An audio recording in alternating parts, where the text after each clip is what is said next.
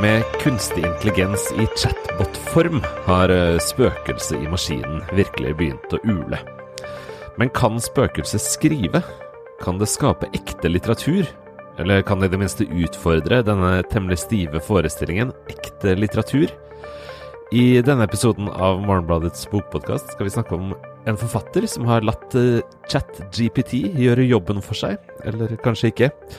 Jeg heter i hvert fall Bernhard Ellefsen, jeg er bokansvarlig i avisa. I den andre enden av telefonlinja har jeg kollega Olaf Haagensen. Hei, Olaf. Hei, Bernhard. Ja, øh, vi har jo snakket om øh, Ja, forresten, det er vel påske i mellomtiden. Hei, hei igjen etter en to Hei. ukers pause. Har du hatt en fin Ja. påske? Ja, det må man eh, kunne si, men nå er gjenoppstanden Vend tilbake til katakombene på Morgenbladets kontor. Det er flott. Eh, jo, altså vi har jo hatt en serie som eh, mange vil ha fått med seg de siste ukene. Som handler om litteraturen i innholdets tidsalder. Hvor vi, hvor vi undersøker eh, i ulike former av tekster eh, litteraturens liksom møte med den nye medieteknologiske virkeligheten. Og, og litteraturens skjebne når den blir til såkalt innhold. Denne uka så har du intervjua en finsk forfatter, eh, Juha Raipola, som, som allerede antydet, har eh, eh, gjort uh, ChatGPT, altså denne språkmodellen, chatboten, til eh, sitt skriveverktøy. Eh, skal, vi, skal vi begynne med å si litt om hvem Juha Raipola er, og hvordan du har eh, støtt på denne kreative herremannen? Ja, altså han er en finsk forfatter. Dette er hans første bok. Født i 1983, så ikke veldig ung, men ikke veldig gammel heller. Og og han har en doktorgrad i finsk litteratur. Um, og han har da utgitt en bok, en roman, som heter Demonic Fragments, med undertittelen 'Horror from the AI Mind'. Den er skrevet på engelsk. Og som du nevner, så har han da skrevet eh, hele eh, ved hjelp av eh, denne språkmodellen ChatGPT. Altså han har eh, gitt eh, ChatGPT eh, ulike instruksjoner og fått den til å utføre Ja, og la oss ta det der litt mer sånn øh, steg for steg. Eh, For vi kan begynne Mm. hvordan skriver man en roman med chat-GPT, før, vi, øh, før vi kommer til hva en sånn roman betyr, og hva den forteller oss om ditt eller datt. Men altså, hva, hvordan har han gått fram her, og hva, hva er resultatet? Uh, ja. Vi kan begynne med hva er resultatet. Du har lest boka. Hvordan ser liksom boka ut først? Ja, den består av masse, masse, masse uh, korte uh, fortellinger som eh, er tematisk sammenbundet, da. Eh, og en eh, gjennomgangsfigur eh, er kjent fra et, en annen forfatter. Det er vesenet, monsteret, skapningen. litt uklart hva man skal kalle det. Og ikke minst uttale det, Katulu, som man kjenner fra den amerikanske skrekkforfatteren HP Lowcrafts forfatterskap. Det er en, en, en Så denne skikkelsen dukker opp i disse korte tekstene?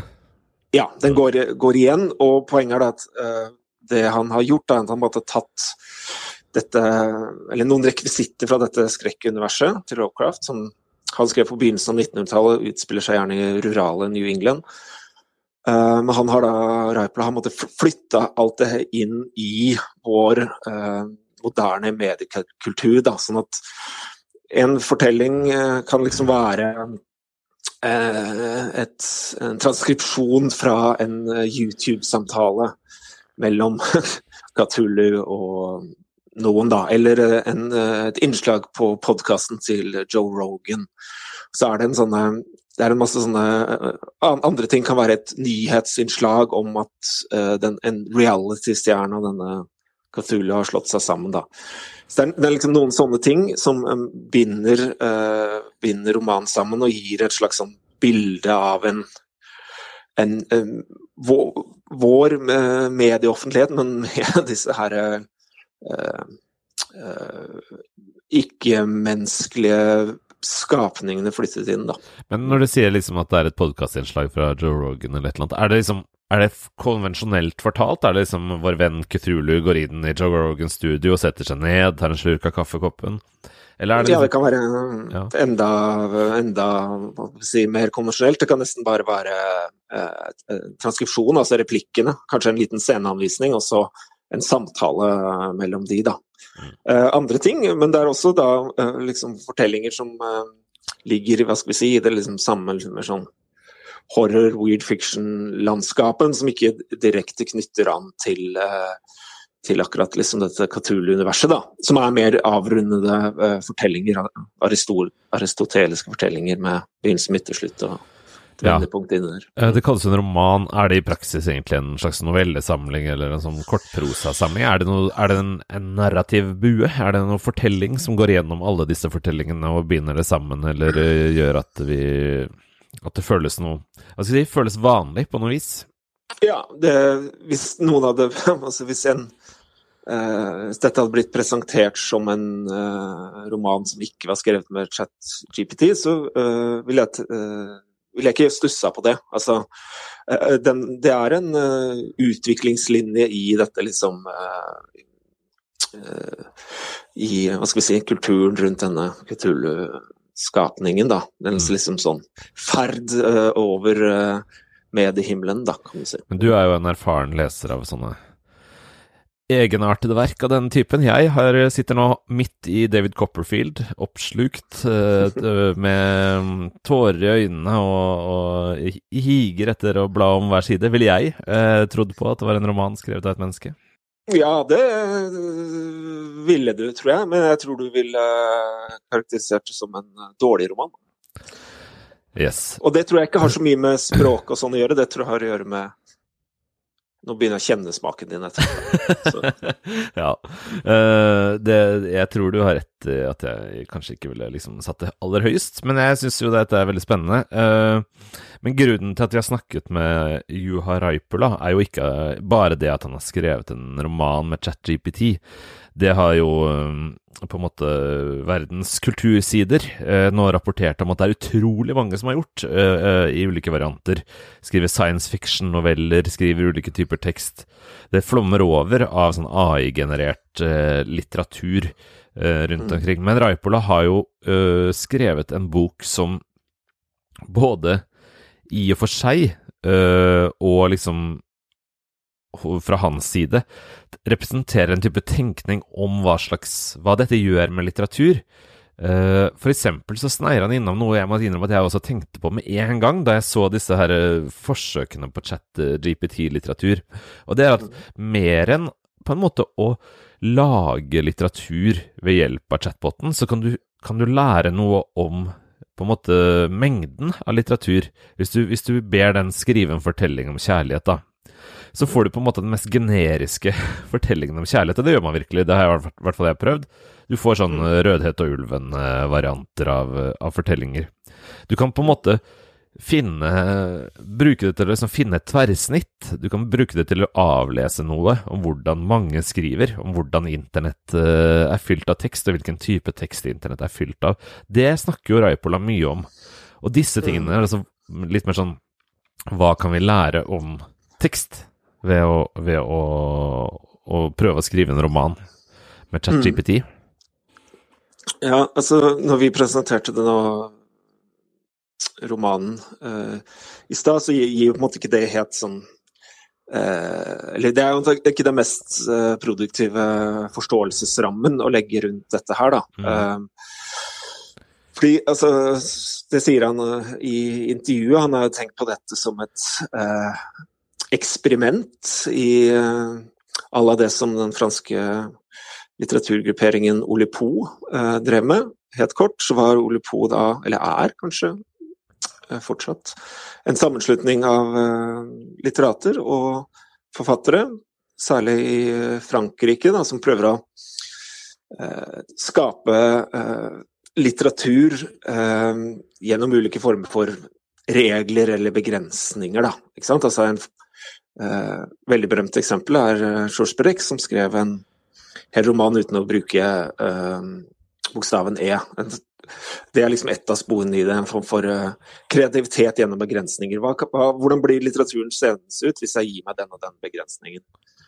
Um, og det er det ene. Det er liksom et, sånt, teknisk aspekt her. Han har lyst til å på en måte uh, Begrensningen hans er at alt skal skrives i, i språkmodellen, um, chat GPT, så det blir da like mye en utforskning av språkmodellen og i, der igjen, da, på en måte det som det materialet den har, da, liksom en, uh, den store tekstmengden den tar inn, da, ikke sant den er, jo, den er på et vis et slags sånn speil. ikke sant? Du kan taste noe inn der og så på en måte få uh, kulturens uh, konvensjonelle eh, ja, for kan vi kanskje minne, minne lytterne om hva en språkmodell gjør.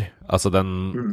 den har eh, det er jo maskinlæringssystemer som gjør at et, basert på et kjempestort materiale av tekst, så kan man mm. prøve å foreslå ord for ord Altså den bygger setninger ved å sette ett ord etter det neste, og, og liksom regner seg frem til ved, ved hvert nye ord hva som er det mest sannsynlige uh, ordet som skal følge.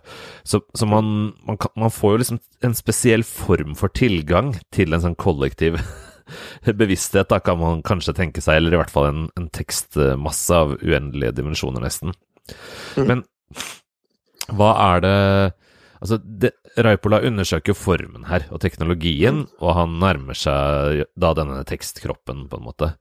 Han, han undersøker ja. jo samtidig eh, hva, hva slags Altså, du, du, I ingressen på intervjuet så skriver du at han har skrevet en roman om de demoniske kreftene som underkaster oss sin vilje.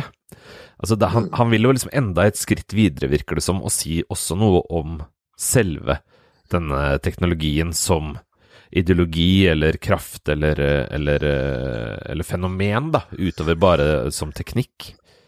Mm. Ja, altså denne uh, Det er også et poeng at, som han gjør, at veldig mye av det språkmaterialet Tekstmengden som uh, denne ChatGPT er, er trent på, er uh, henta fra internett, særlig siden 2008. Da. Så det er på en måte også et bilde på en måte den mediekulturen uh, som vi lever i i dag. Hvordan ser den ut? Veldig mye av den er at den er automatisert. Da. Liksom at den bare går. Det er algoritmer som genererer innhold og respons, og samtidig som vi logges og informasjonen vi etterlater oss kjøres tilbake til systemet. Da, så det er jo en sånn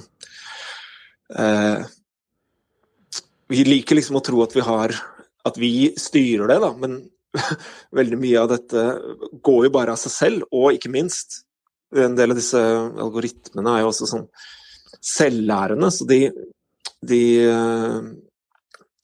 altså Vi skriver jo om seg selv på en sånn måte at vi mennesker ikke lenger forstår hvordan de fungerer. altså liksom Etter at den har optimalisert seg selv, hvis du skal gå inn, så er det ikke mulig for et menneske å skjønne hvordan den fungerer. da, Så det er, det er en blackbox, blackboxing, eller blackbox, er et sånt begrep som jeg har sett dukke opp. da, liksom som den sånn så svart boks som man ikke forstår, da, for det, hvor maskinene bare snakker med hverandre. da. Så Det er jo også et uh, poeng her, da. Uh, hvis vi skal holde oss litt til hva denne måte romanen da, gjør tematisk, mm. uh, så snakker dere om i dette intervjuet at for 10 eller 15 eller 20 år siden så, så var det mye som skjedde i skjæringspunktet mellom uh, datateknologi og litteratur som på en måte var på en måte håpefullt, da. Altså, mm. Raupola snakker om at man så for seg uh, liksom at uh, forfattere kunne programmere poetiske maskiner som kunne, mm. kunne lage nye former for litteratur. Uh, vi, vi, leste jo Det er jo det, morsomt å se tilbake på Jan Kjærstads første tekster om EDB og litteratur, hvor han viste frem og forteller at han viste frem til tekstbehandlingsprogrammer på NRK tidlig på 80-tallet, og ble kontaktet av folk som trodde det var det han gjorde, altså programmere noe som skapte litteratur, ikke at han faktisk bare tasta inn bokstaver da. Mm. Men det er jo denne ideen om at det liksom var noe som kunne skapes på egen hånd, noe som var en del av en fri og kreativ og, og egenrådig bevegelse. Uh, men så har det jo vist at disse teknologiene er jo ikke, er jo ikke programmer laget av, av poeter, uh, på en måte. Det er, det er jo OpenAI, uh, grunnlagt av bl.a. Elon Musk. Det er de samme store tech-gigantene som serverer oss dette, som serverer oss alt annet. Den forskjellen er vel er vel Raipola opptatt av, er han ikke det? Ja, øh, det er han. Altså den øh, forestillingen om liksom forfatteren som en sånn type slags poetisk hacker, da, den øh, virker veldig veldig fjern nå, da. disse, ja, som du sier, da, disse språkmodellene er del av dette liksom store internettmaskineriet vi lever under. Det er også et sånt spørsmål ved det. altså hva det du skriver inn i den, hvor, hvor havner det? Hvor lagres det? Går det inn igjen i denne eh, treningsmaterialet deres? Så er, det er liksom den, det samme En slags forlengelse av det vi allerede lever i, da, bare intensifisert. Og Derfor er også dette Det kan liksom, kanskje muligens høres litt sånn uh, rart ut når man sier at han har omplanta dette uh, horroruniverset til uh, Lowcraft i, i, denne romanen. Det kan høres sånn søkt og fjollete ut, men tenk, altså litterært, tenkningsmessig litterært gir det veldig mening, fordi denne horrorlitteraturen, særlig den som Lowcraft er en hovedskikkelse, den handler jo nettopp om ikke-menneskelige krefter. altså den det handler om en, det er et univers der mennesket er ubetydelig, disse eh, Kuthulu-skapninger. Den er mye eldre enn uh, menneskene, og den eh, lever på en måte en slags sånn uh, grenseland utenfor sted, uh, tid og rom. Da. Og alt det som foregår i menneskenes verden, er liksom bare noe sånt Noe lite ubetydelig i et hjørne. Da. Så det er en sånn voldsom perspektivendring i forhold til mye annen litteratur, hvor nettopp eh, mennesket og dets uh, unike psykologi er uh, sentrum. Da. Ja, det er jo på en måte en god tematisk forbindelse mellom det mot, mm. med universet han har valgt seg, og det, det, han faktisk på en måte skriver om, da, hvis vi kan bruke det ordet i det hele tatt. Men en annen, annen, side, som du er inne på avslutningsvis her, med liksom det menneskets dype og unike psykologi, det er jo også grunnleggende for hvordan vi tenker om kunst og litteratur i det hele tatt. Veldig ofte når vi snakker om hva kunstig intelligens kan eller ikke kan gjøre, så kan vi si at de kan løse mange oppgaver, ikke sant. De kan bestå båtførerprøven, de kan, de kan uh, lage en internettside, eller de kan sette sammen en uh, vegansk ukemeny. Uh, for mennesker med åtte forskjellige intoleranser, og sortere handlelisten etter hvor daglig, altså varene er i dagligvarebutikken osv det vi tenker at de ikke kan gjøre, er basert på en mer sånn vag forestilling om nettopp denne unike, dype psykologien og egenarten og stemmen osv. Og, så og det, det er jo også noe vi forbinder med litteratur, altså at det må være til stede. Vi har jo rett og slett ganske sånn romantiske forestillinger om hva litteratur er. Uh, hva, hva, hva, hvordan forstår du Raipolas syn på på, på det, og, og hvordan AI-litteratur forholder seg til, eh, til et sånt uh, bilde av litteraturen. For eksempel så, så sneier dere jo innom at han faktisk sier at den forestillingen nå er så etablert at den er å finne i språkmodellen, liksom. Det er det språkmodellene svarer når du spør den om slike ting. Mm. Ja, igjen så tror jeg det kan være greit å gå veien om en av disse referansene han gir, da. Ole Po. Altså, for det Ole Po, uh, En ting det representerer, er nettopp en slags sånn utfordring av en, dette romantiske uh, forestillingen om litteratur som liksom, uh, liksom øses opp da, fra dypet av ens sjel. Da. For der er det noe med at man legger en begrensning på en måte utenfor verket, da, som er med på å uh, generere litteraturen. Altså, den forskyver den der forestillingen om uh, den genuine stemmen, da. og uh, jeg tror også det er verdt å minne om at den forestillingen om originalitet er jo egentlig det. Det er en veldig romantisk og modernistisk forestilling. Den har jo ikke alltid vært herskende i litteraturen. Så lenge så var jo det litteraturen handla om, nettopp en form for sånn mønsteretterapelse. Og lager liksom den eh, flotteste eh, stykket litteratur etter noen regler, da. Ikke sant? Den mm. flotteste sonetten, for eksempel. Sånn at hva, eh, Når vi stiller spørsmål om liksom, kan, men kan den lage ordentlig litteratur, så eh, følger liksom hele den uh, kulturelle forestillingen om hva litteratur er med på lasset. Og i, sånn jeg forstår Raipola, så mener han at han kan ikke lage litteratur i den romantiske forestillingen om litteratur, da, den herskende forestillingen om litteratur i dag. Men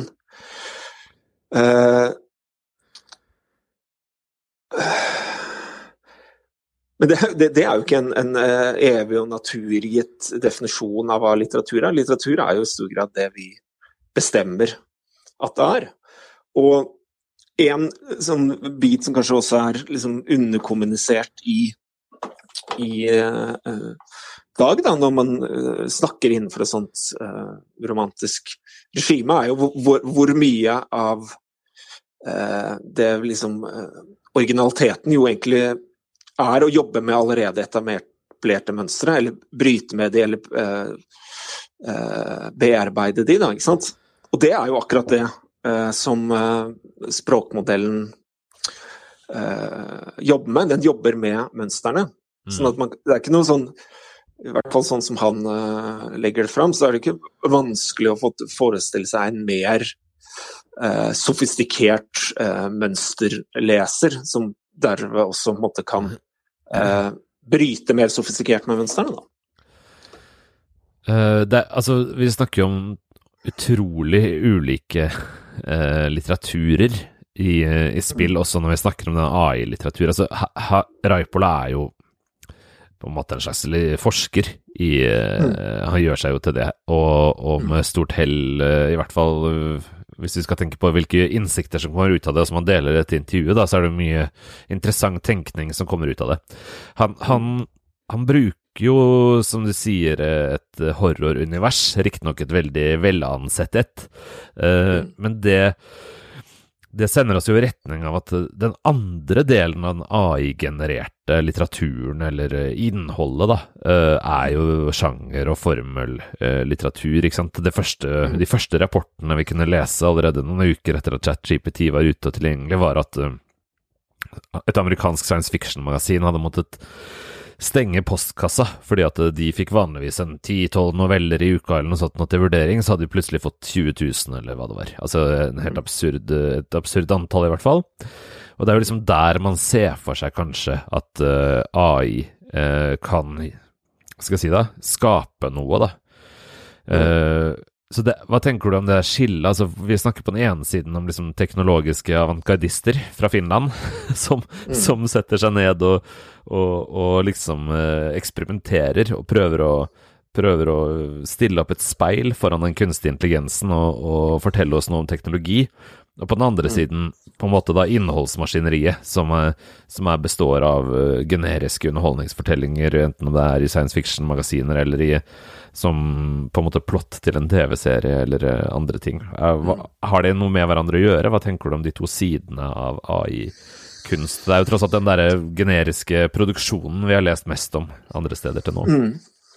Ja, jeg tror eh, som eh, Rapla også sier i det intervjuet. Han sier eh, kunstig intelligens vil antagelig bli et permanent verktøy i verktøykassen til forfattere og kreative hoder av alle slag. Og det virker veldig plausibelt for meg. da, altså et Permanent verktøy som en, ett blant flere da, verktøy. ikke sant? Kanskje den her, er det, er, eh, Tror du det?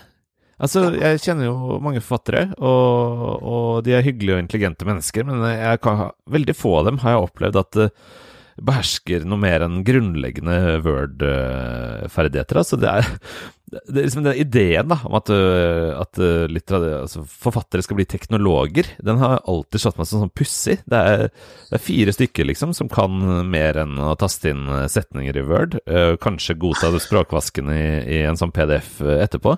At de skulle sitte og liksom bli svært liksom kompetente brukere av et et kunstig intelligensverktøy. Jeg, jeg, sliter liksom med å se for meg det sånn i praksis.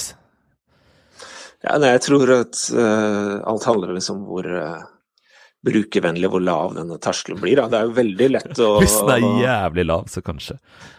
Jo, men den er jo ja, Det er jo et uh, poeng. Altså, alle kan nå gå inn og bruke ChatGPT, og det er, det er bare å taste inn noe, så får du svar. Så det, liksom, det krever ikke liksom mer uh, tech kompetanse enn eh, evnen til å opprette et passord og brukernavn, da, og, og, så kunne taste på maskinen og trykke 'enter'.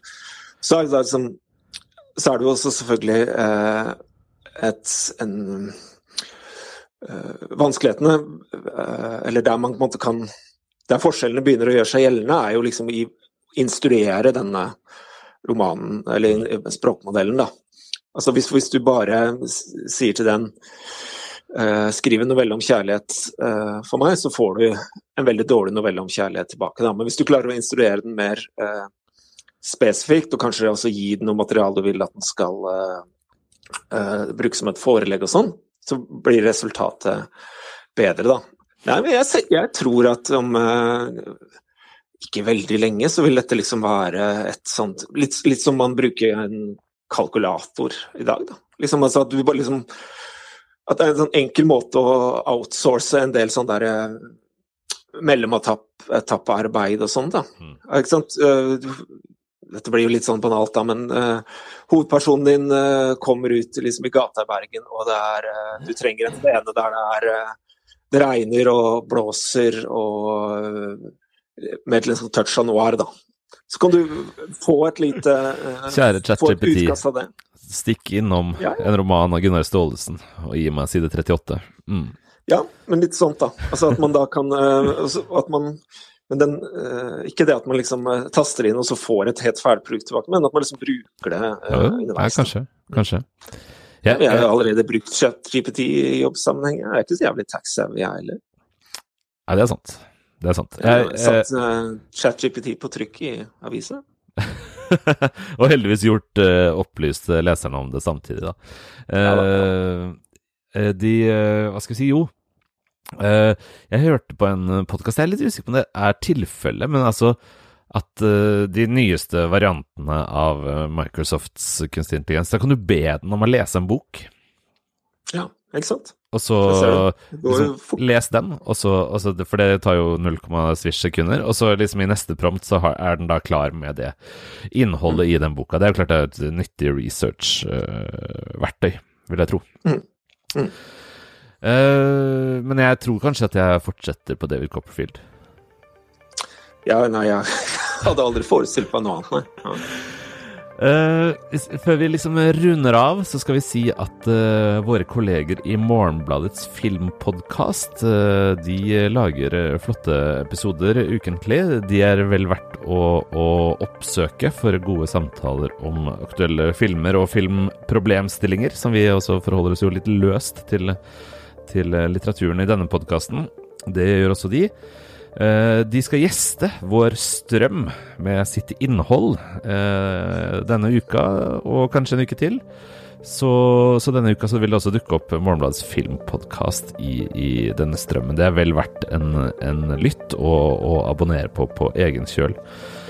Intervjuet med Joa Raipola kan man lese på morgenbladet.no. Der kan man også abonnere på avisa og lese tidligere tekster i denne serien som, som ruller og går. Vi, eh, vi snakkes igjen neste uke, Olaf. Takk for praten. Det gjør vi. Selv takk.